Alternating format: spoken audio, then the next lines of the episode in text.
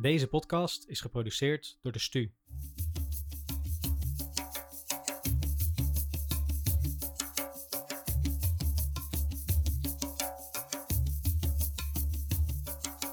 Voor aflevering 1 heb ik Ingrid uitgenodigd, want het is tijd voor een gesprek van vrouw tot vrouw. En wat voor een vrouw? Als zij binnenloopt, komt er een bommetje energie naar binnen. Met een goed vleugje Brabantse gezelligheid. Deze vrouw weet van aanpakken en heeft dan ook een bak aan ervaring. Zowel in eigen land als in andere continenten. Nu runt zij een trainingsbedrijf met haar levenspartner. Waarin ze ook regelmatig met MKB-klanten met het Business Model Campus aan de slag gaat. En de kamer vol plakt met post-its. Verder lekker stilzitten? Nee hoor. Naast haar werk is ze ook actief voor een valkenier, helpt zij een organisatie om microkredieten in Cameroen uit te geven en is zij student in beeldende kunsten en fotografie. We mieten elkaar op een prachtige dag in het kantoor van PUM. Samen stappen we in het vliegtuig naar Vietnam.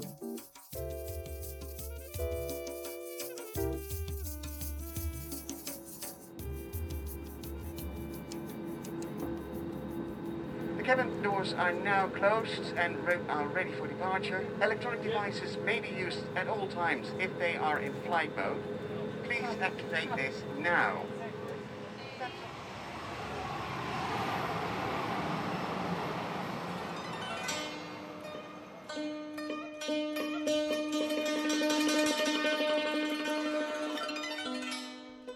Heeft een speciale band met Vietnam, een land met een ondernemende geest. We zoomen in op een van haar Vietnamese missies, waarin ze aan de slag ging met een retailbedrijf dat prijsbekers en oorkondes verkoopt. Een product dat blijkbaar erg bij de cultuur past. Wat was de inhoudelijke challenge? Hoe ging zij om met de overstemmende directeur? En van welke lokale specialiteit maakt zij gretig gebruik na een dag hard werken? Ga ervoor zitten en laat je inspireren door deze vrouw.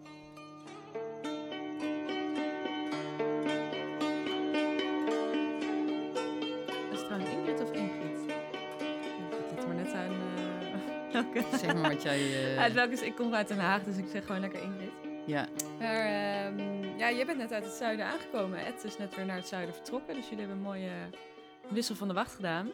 Maar nu is het tijd voor een gesprek van vrouw tot vrouw. ja, zeker leuk. Ontzettend leuk om elkaar zo hier te treffen. Ja, zeker. Welkom. Dank je. En het was natuurlijk eh, nog niet, niet onbekend gebied voor jou, dit kantoor van PUM. Nee, zeker niet. Je hebt al eh, redelijk wat missies erop zitten, volgens mij ook. Ja, klopt. Hoe klopt. lang zit je er nu bij?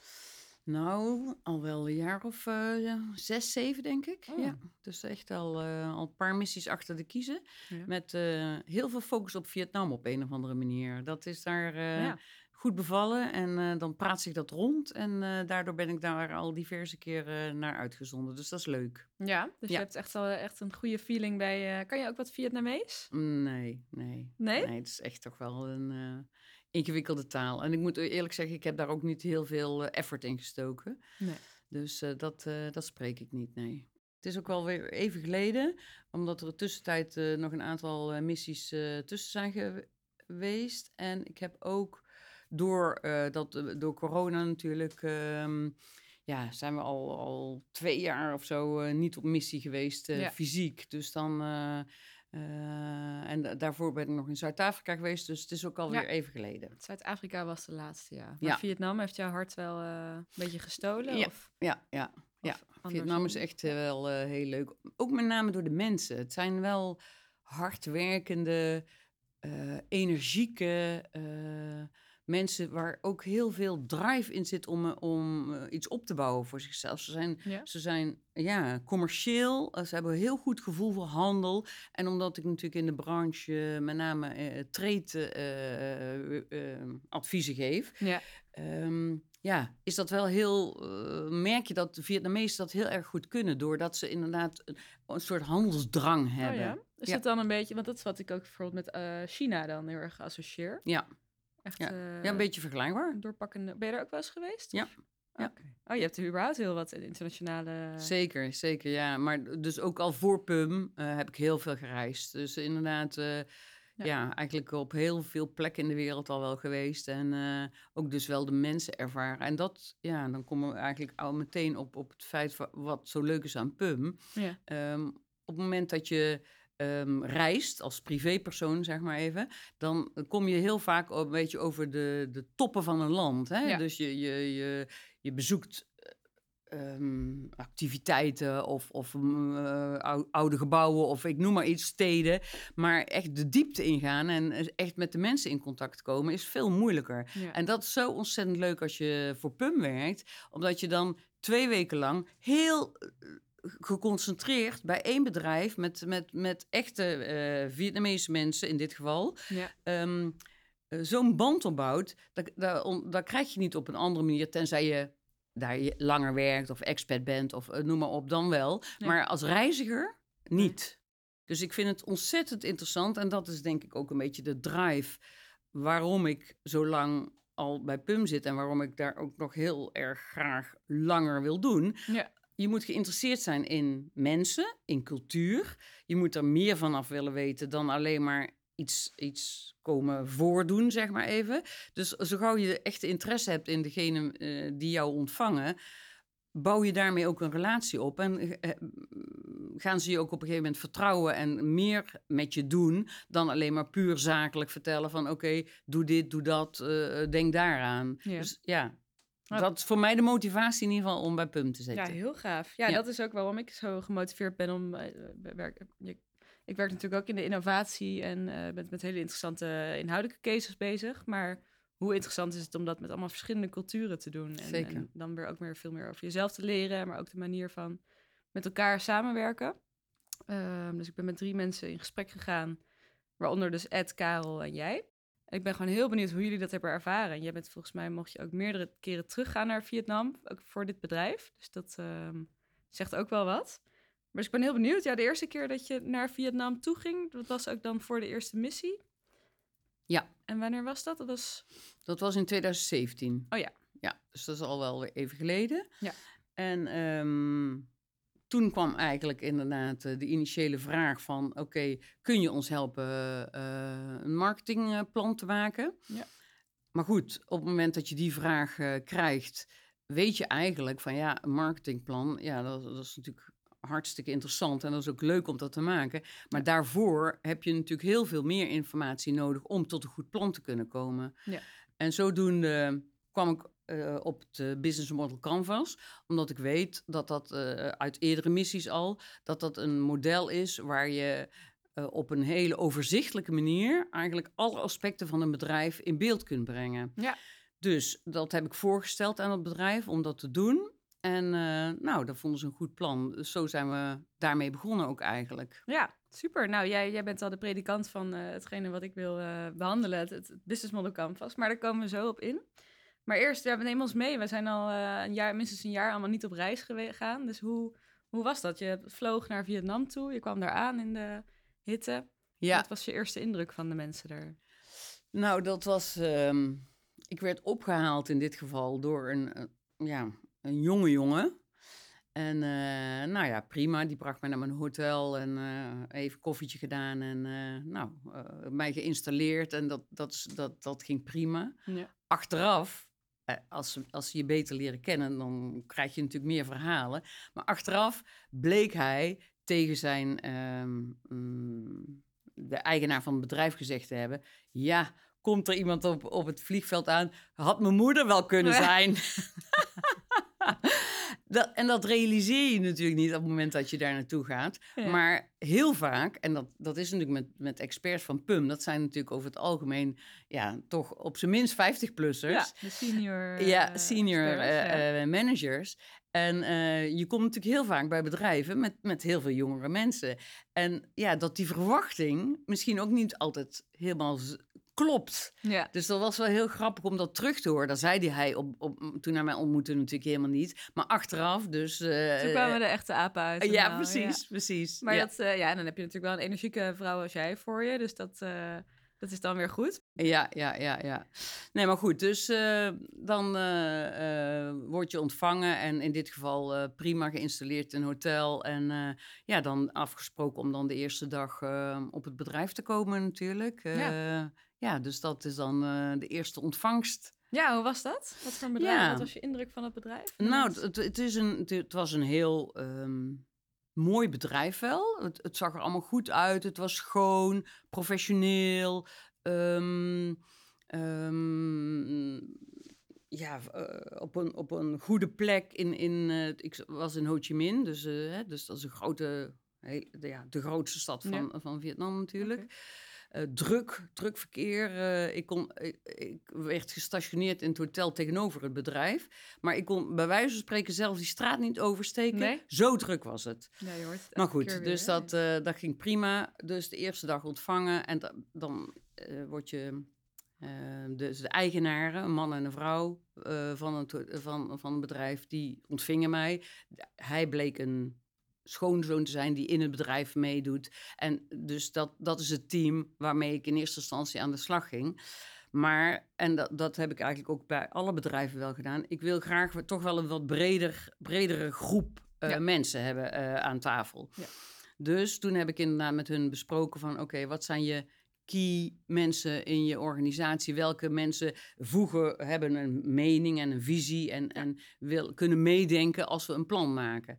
Nou ja, eh, zo zijn er eigenlijk van een aantal afdelingen... de sales manager, de finance manager... zo hebben we dus een groepje gemaakt van een man of vier, vijf...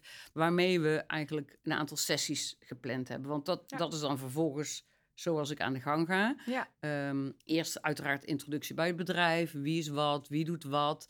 In dit geval waren het, verkopen zij plaketten. Eh, oorkondes, zo moet ik het eigenlijk noemen. Oorkondes, eh, gegraveerde oorkondes. Ehm, en ik dacht in eerste instantie van ja, hoezo? Hoeveel gegraveerde oorkondes, wat moet ik daarmee? Maar dat blijkt dus in Vietnam, en dat is ook wel heel grappig om dat dan weer zo te ervaren. Dat blijkt dus in, in Vietnam ja, heel gebruikelijk te zijn om eh, mensen, hè, de beste salesman eh, van de maand en Oh, eh, degene die het meest verkocht heeft en degene die eh, het meest sociaal is geweest en die zijn target heeft gehaald. Iedereen wordt al heel snel beloond met, met een soort van oorkonde. En zij hebben dan gelezerde, eh, gegraveerde eigenlijk oorkondes. Ja? Ja, dat is echt zo'n cultureel dingetje daar. dat is echt een cultureel Zijn ze dan ding. ook heel competitief-achtig of vinden ze het Zeker. mooi om te prijzen? Ja, alle twee. Ja? Alle twee, ja. ja. Normaal, eh, ja, veel landen ook in Azië zijn natuurlijk juist wat meer bescheiden. Ja, nee, maar op een of andere manier in Vietnam, wat ik al zei, dat, daar zit toch echt wel een hele handelsgeest. Echt Ja. een sterke handelsgeest. Vandaar dat het echt jouw land is geworden misschien. Ja, ja, misschien wel. Ja. Ja, ja. Dus Ja. het was echt een, echt een bedrijf dat inderdaad stond in, in hoe zij hun cultuur zich ook uit met oorkondes. En, Ja, eh, we ja. prijzen de mensen. En daarom was het, is het ook een, een gezond eh, bedrijf. En eh, omdat, omdat het in de Vietnamese cultuur echt wel ehm, ja, gebruikelijk is om dit soort eh oorkondes uit te delen, Ja. ja. ja, is het commercieel natuurlijk aantrekkelijk. Ja. Dus daarom, daarom klopt het ook wel. Dat is één poot. En de andere poot was eh, sportprijzen. Dus echt bekers, eh, gegraveerd eh, eh, voor sportevenementen. Dus die twee eh, takken hadden ze eh, binnen het bedrijf. Ja.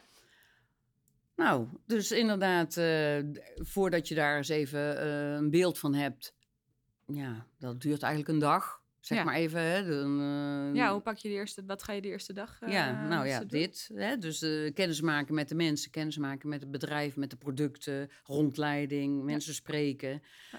En dan, En je zei inderdaad een multidisciplinair team bij elkaar zetten, de verschillende afdelingen samenbrengen. Is dat iets wat zij ook normaal vonden, om dat juist heel erg die overlapping te vinden? Of is dat waar ze even van eh, opkeken? ja, daar keken ze wel even van op. Ja. Want, en dat heb ik ook bij andere bedrijven wel ervaren. Want het is best, ze zijn best wel eigenlijk heel hiërarchisch. Ja. De baas beslist en wat, die, wat hij zegt, eh dat gaan ze doen. Ja.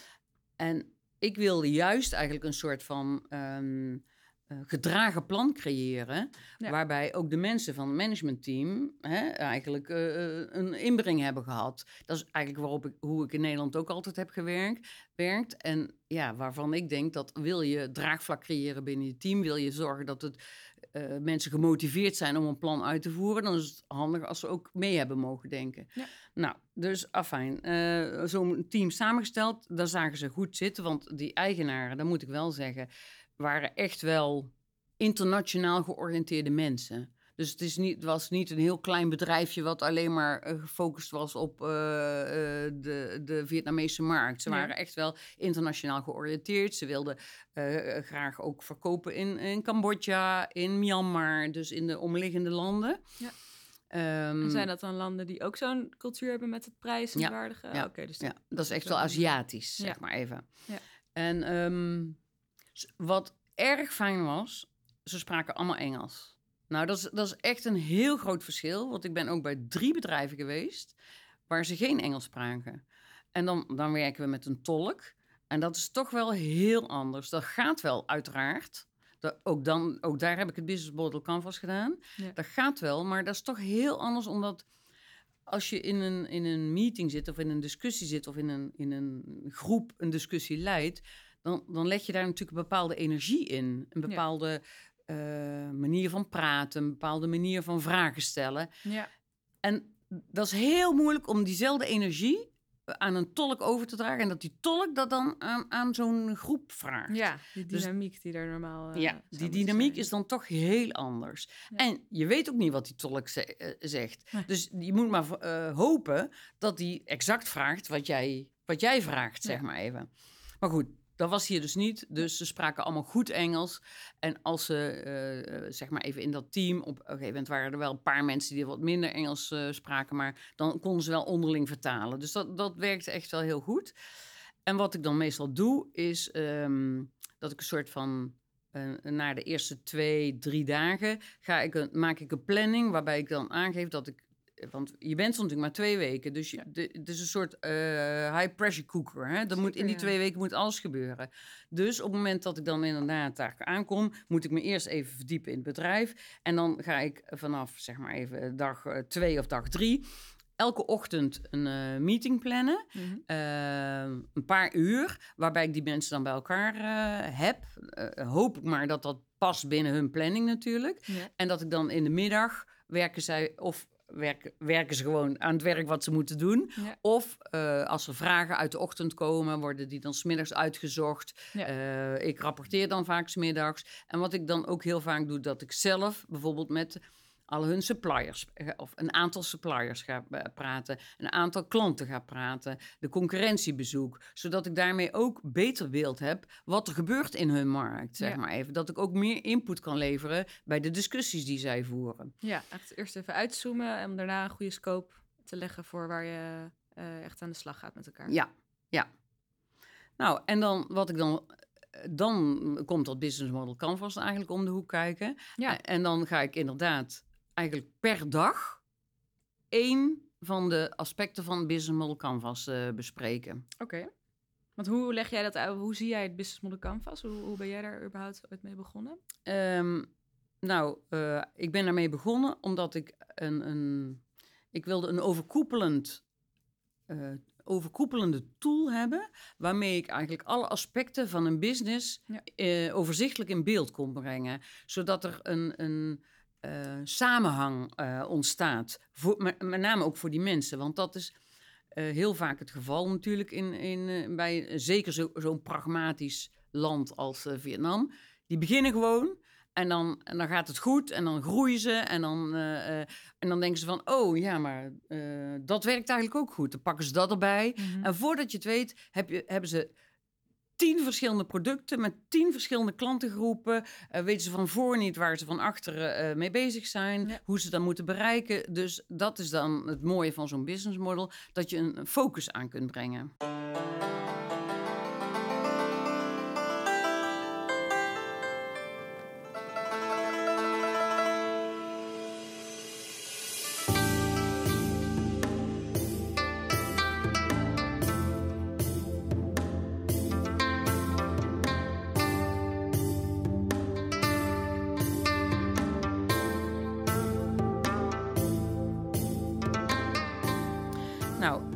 Leg eerst uit eh, aan die groep hoe het werk gaat. Ik maak dus een planning van wanneer we wat gaan doen.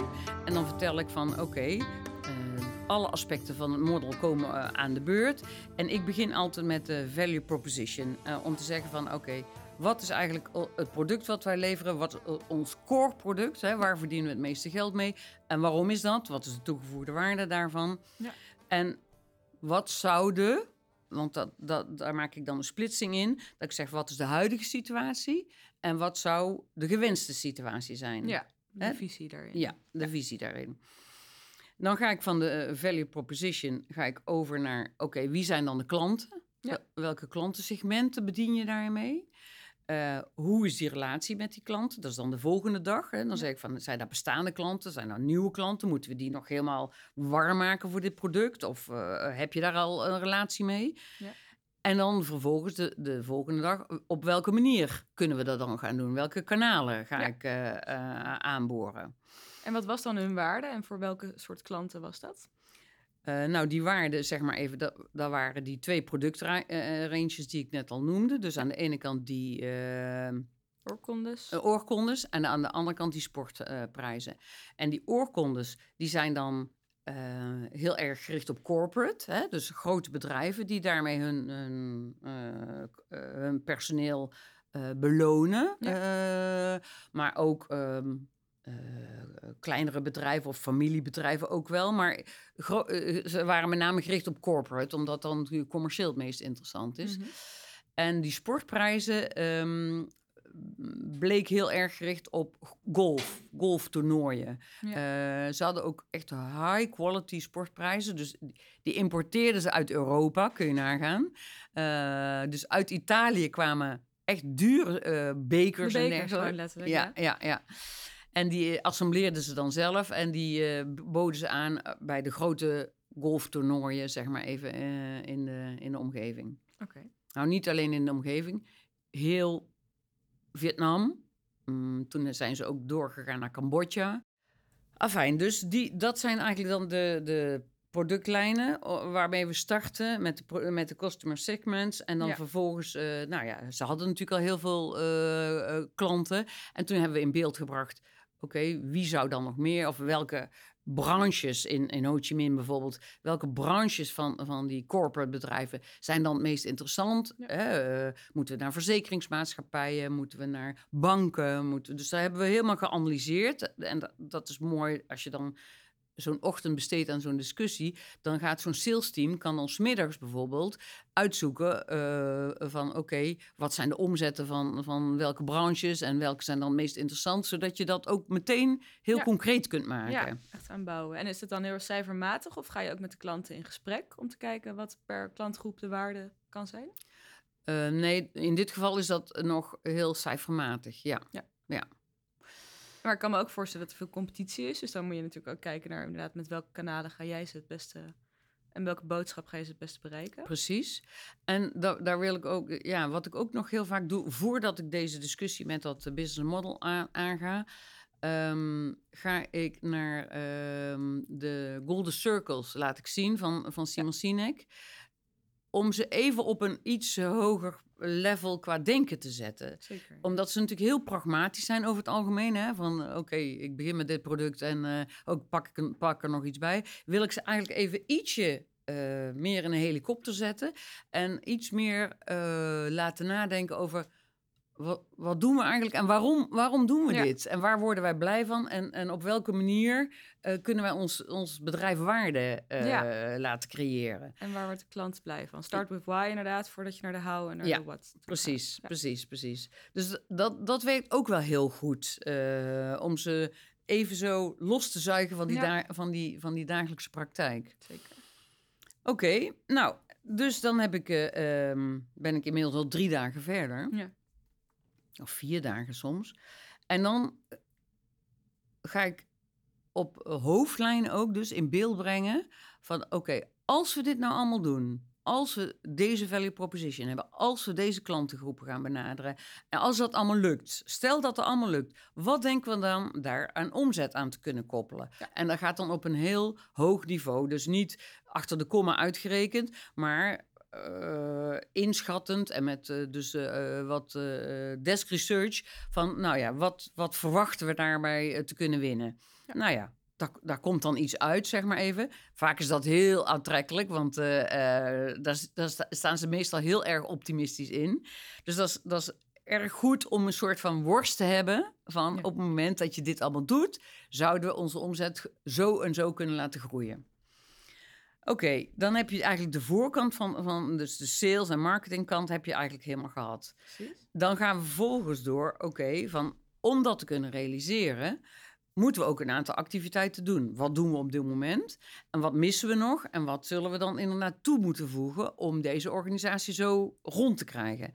Dan ga ik dus naar de key activities en dan zeg ik van oké, wat doen we op dit moment? Hoe is onze salesafdeling georganiseerd? Wat, wat doen we op marketinggebied al? Ehm, werkt dat? Wat, wat zou de ideale wereld zijn? Wat zouden we nog toe moeten voegen?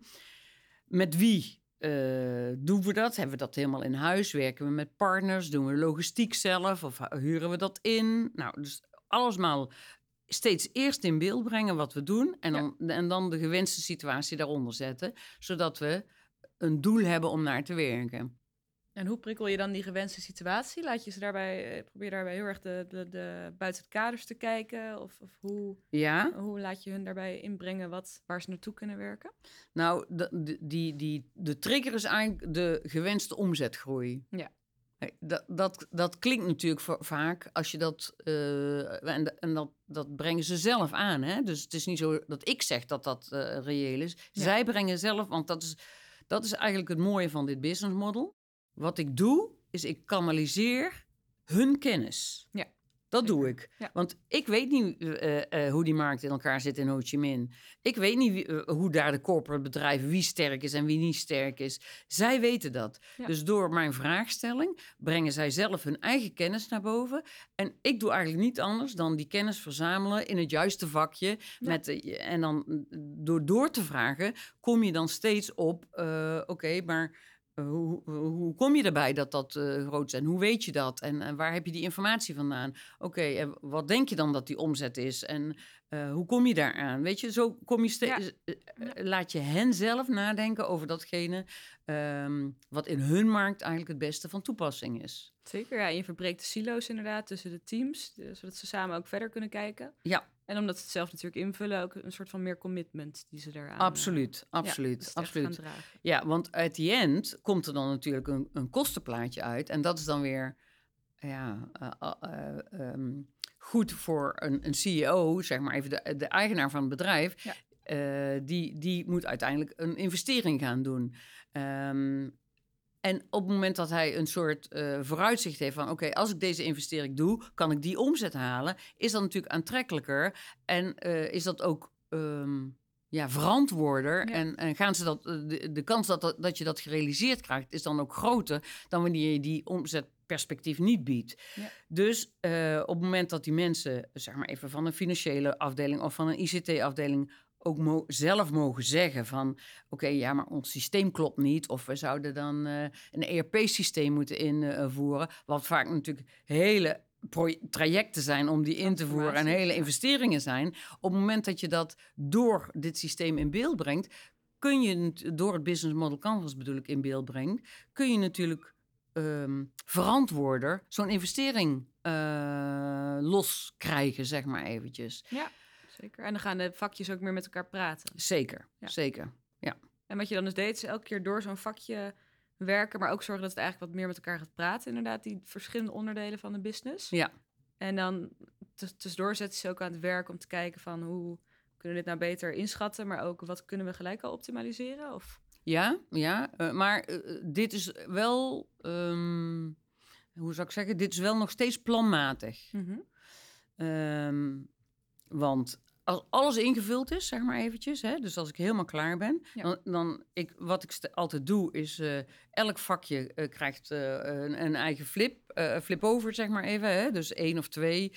En ik schrijf alles op en Ja. dan alles eh, wat, wat we hebben besproken, hangt op een gegeven moment aan de muren van een, van een vergaderzaal. Dus eh, elke ochtend komen we weer terug in diezelfde vergaderzaal. Dan hangen die flips daar, dan vat ik dat even samen en dan gaan we door naar het volgende. En dan, omdat het er hangt, kun je dus ook heel makkelijk terugpakken van ja, maar gisteren hebben we dit gezegd. Dus omdat we dit gezegd hebben, moeten we daar nu natuurlijk wel op doorgaan. Mhm. Dus dat laat ik ook allemaal hangen. Dus aan het eind van de, van de, van de eh, twee weken hangen daar eigenlijk... eh, de heel die kamer hangt helemaal vol met flips. Ja.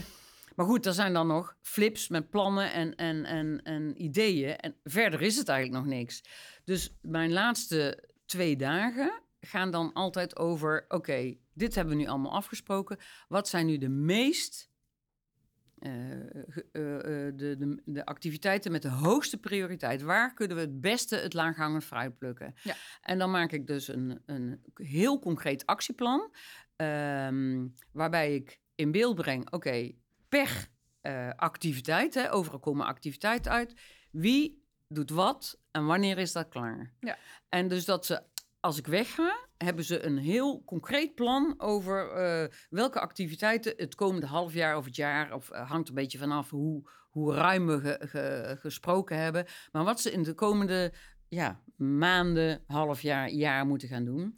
Prioritiseren en een eh, echt plan van aanpak. Ja, ja. Ja, nou, je zou zo je eigen business model Canvas podcast kunnen starten volgens mij. Ik vond het heel leuk om hier een, helemaal doorheen genomen te worden. Want het is precies wat ik dus met mijn werk ook doe. Maar zeker in zo'n cultuur is het natuurlijk extra interessant om... eh, ik heb ook een filmpje van jou gezien toevallig in Zuid-Afrika. Dat je ook inderdaad stond in zo'n ruimte vol met eh canvassen en post-its en alle mensen om je heen. Ja, Maar dan is natuurlijk inderdaad de vraag eigenlijk wat je net zegt van we kunnen wel nu dat allemaal zo mooi hier hebben hangen, maar wat gaan ze er dan vervolgens mee doen? Jij bent er eigenlijk maar 14 dagen. Ja. Weet jij wat deze onderneming er, er op de lange termijn uit heeft? Ge- hebben ze bijvoorbeeld een mindset change of echt een andere manier van werken? Of Zeker, zeker, er? ja, zeker. En ja, ik moet zeggen, dit is ook wel een soort perfect bedrijf hoor. Daar moet ik er wel bij zeggen. Ja. Want ze hebben eh, goede mensen, Ja. opgeleide mensen. Eh, wat ik ook altijd doe, is hen zelf laten schrijven. Ja. Dus ik lever geen plan aan. Zij maken zelf een plan met datgene wat wij opgeschreven hebben. Want dan is het hun plan. Als het Ja. mijn plan is, dan is het al heel vaak belandt het in een la. Zeker. Dus zij, zij schrijven zelf op wat ze willen. Eh, dus ik ben de eerste keer daar geweest. Toen hebben we dit hele eh business model uitgewerkt. En de, de tweede keer dat, want toen hadden ze dit en nou ja, oké, waren ze mee aan de gang gegaan.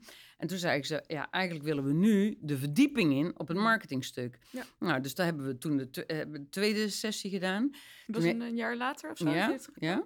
En toen hebben we dus echt een heel gedetailleerd, op basis van, van wat we de eerste sessie hebben uitgewerkt, hebben we heel gedetailleerd gezegd: oké, nu hoe gaan we dan per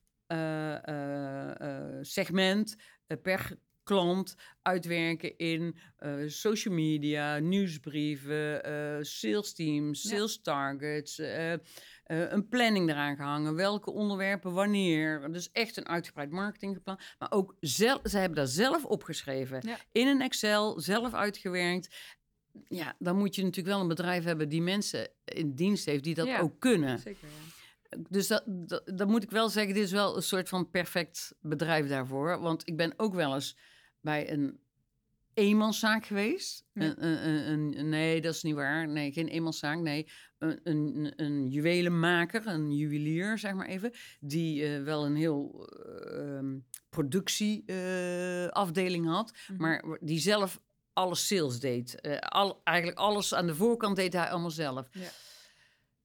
Ja, dan is het wel al een stuk ingewikkelder om dit goed voor elkaar te krijgen. Dan moet, je, dan moet ik echt al heel goed mee helpen kiezen. Ja. Van oké, als jij dit allemaal in je eentje wil doen, oké, wat, wat is dan het allerbelangrijkste? Of wat is de grootste kant van slagen? Of waar ga je het meest effect behalen met je inspanningen?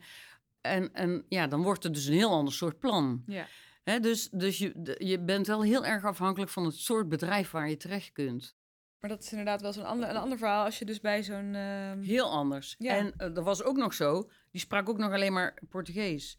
Of Ah. eh, geen Portugees, Vietnamees. Ja. Dus dat moest al de hele tijd met een, met een tolk. Maar hij vond het zo geweldig. Die vent heeft nog maanden al die flips op zijn kantoor laten hangen. Maanden. Elke Ja? klant die daar kwam, die kwam in Die juwelier? Eh, oh, Ja, die juwelier, die kwam in die omgeving met al die flips. Die mochten kijken naar het hele Ja, businessplan. ja, ja, ja, ja. Dus dat was echt helemaal geweldig. Die vond dat zo geweldig.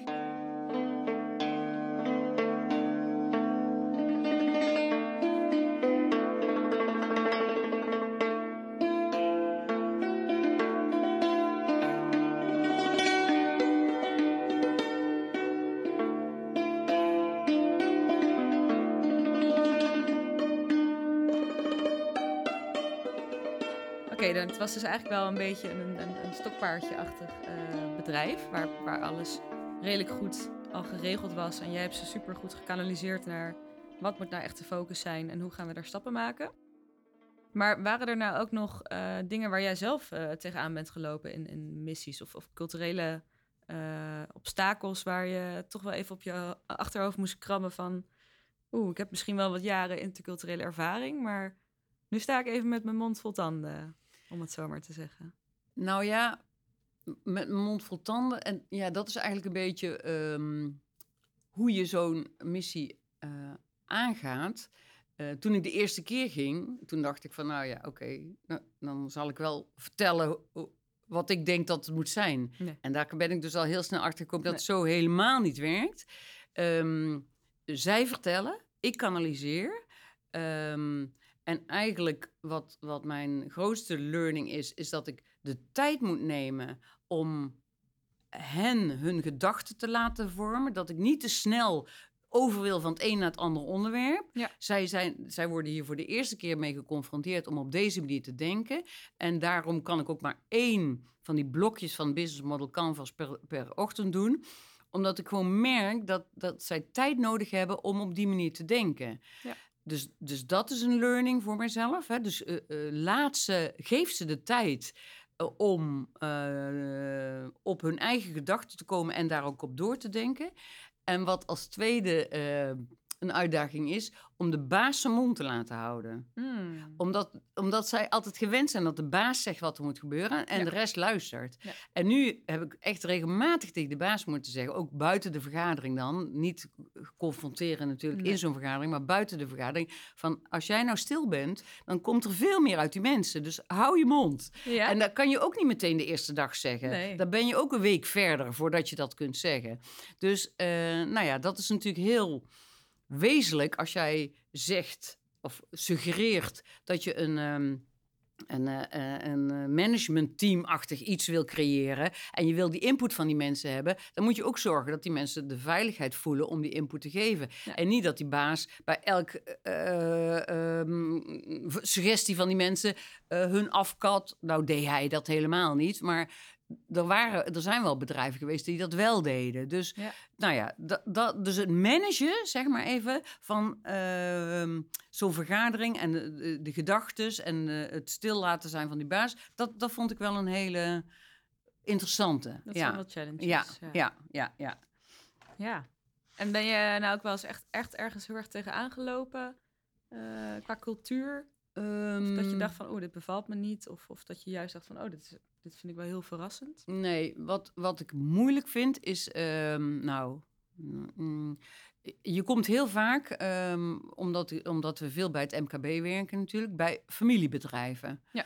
En ik heb één keer meegemaakt dat de onderlinge verhoudingen, dus er was een vader en een moeder met vier kinderen. En die, daar, was, daar waren onderlinge verhoudingen eh, verstoord. Dus een van die vier kinderen, die eh, zat volop in het bedrijf, die deed sales. Dus dat was een belangrijke post, zeg maar eventjes. Maar de anderen praten daar niet mee. Hmm. Dus dat is natuurlijk heel ingewikkeld. En toen heb ik geprobeerd om daar een rol in te vervullen. Maar iets wat natuurlijk in hun familie al jaren eh, zo Ja, speelt, Patronen, ga ik ja. natuurlijk echt niet in twee weken oplossen. Ehm, wat ik toen wel heb eh, bewerkstelligd is eh, dat hij bij die vergaderingen is gekomen. Dat hij ook heeft geluisterd. En dat hij ook ehm, gewaardeerd werd in die zin dat ik zeg van hij komt echt geld, te- budget tekort om zijn marketingplan goed uit te kunnen Ja. voeren. Eh, dat, dat, dat moeten we ophogen. Dus toen heb ik inderdaad voor hem eigenlijk bewerkstelligd dat hij meer budget eh, eh, eh, beschikbaar kreeg voor het marketing. Ja. En daar was hij zo blij mee dat hij daardoor een soort van toegankelijker werd voor mij. En heb ik ook geprobeerd wel om die verhoudingen te veranderen. Maar ja, dat is een illusie om te denken natuurlijk dat jij dat kunt bewerkstelligen als dat al Ja. jaren speelt. Maar dat, dat is wel iets wat, ja, wat je tegenkomt in een, in, een, in een bedrijf soms. Ja, en waar je dan mee moet dealen. En waar je, wat je niet op kunt lossen. En wat je dan zo, naar eer en geweten zo goed mogelijk probeert een, een, eh, vorm te geven. Ja. Nou ja, Ja, ik, ja, ik had natuurlijk, je kan er natuurlijk nog heel veel anders over vertellen. Wat ik zelf namelijk in Vietnam heel erg leuk vind, is uh, ze hebben daar heel veel massage uh, ja. salons, zeg maar even. En dat vind ik zo heerlijk, want dat doe je hier eigenlijk nooit. dat ik met die, de vrouw van dat, dit bedrijf, dan gingen we samen zo s'avonds, zullen we nog een keertje naar zo'n massagesalon gaan? Ja, dat doen we. En wij met z'n tweeën inderdaad weer naar zo'n uh, voetmassage. Of, uh, nou ja, dat is Laat hun maar lekker werken aan het business model canvas. Wij gaan hier Nee, lekker... maar dat, dat, dat deden we dan s'avonds. Ja. ja, nee, dus dat is inderdaad uh, gewoon in je, in je eigen tijd, zeg maar eventjes. Ja. Maar dat we inderdaad ook, ja, ja, als het goed klikt, dan zijn ze echt ook zo gastvrij en mee uit eten en... en ja, waar ik ook trouwens overigens niet altijd op zit te wachten. Want als, het is heel lastig natuurlijk als, als je gesprekspartner geen Engels praat. Ja. Dan is het, zijn het lange avonden om te eten hoor. Dan ga ik liever alleen eten. Wat zou jij nou aan um, pummers? Ja, dat zijn tegenwoordig uh, mensen van alle vormen, maten, leeftijden.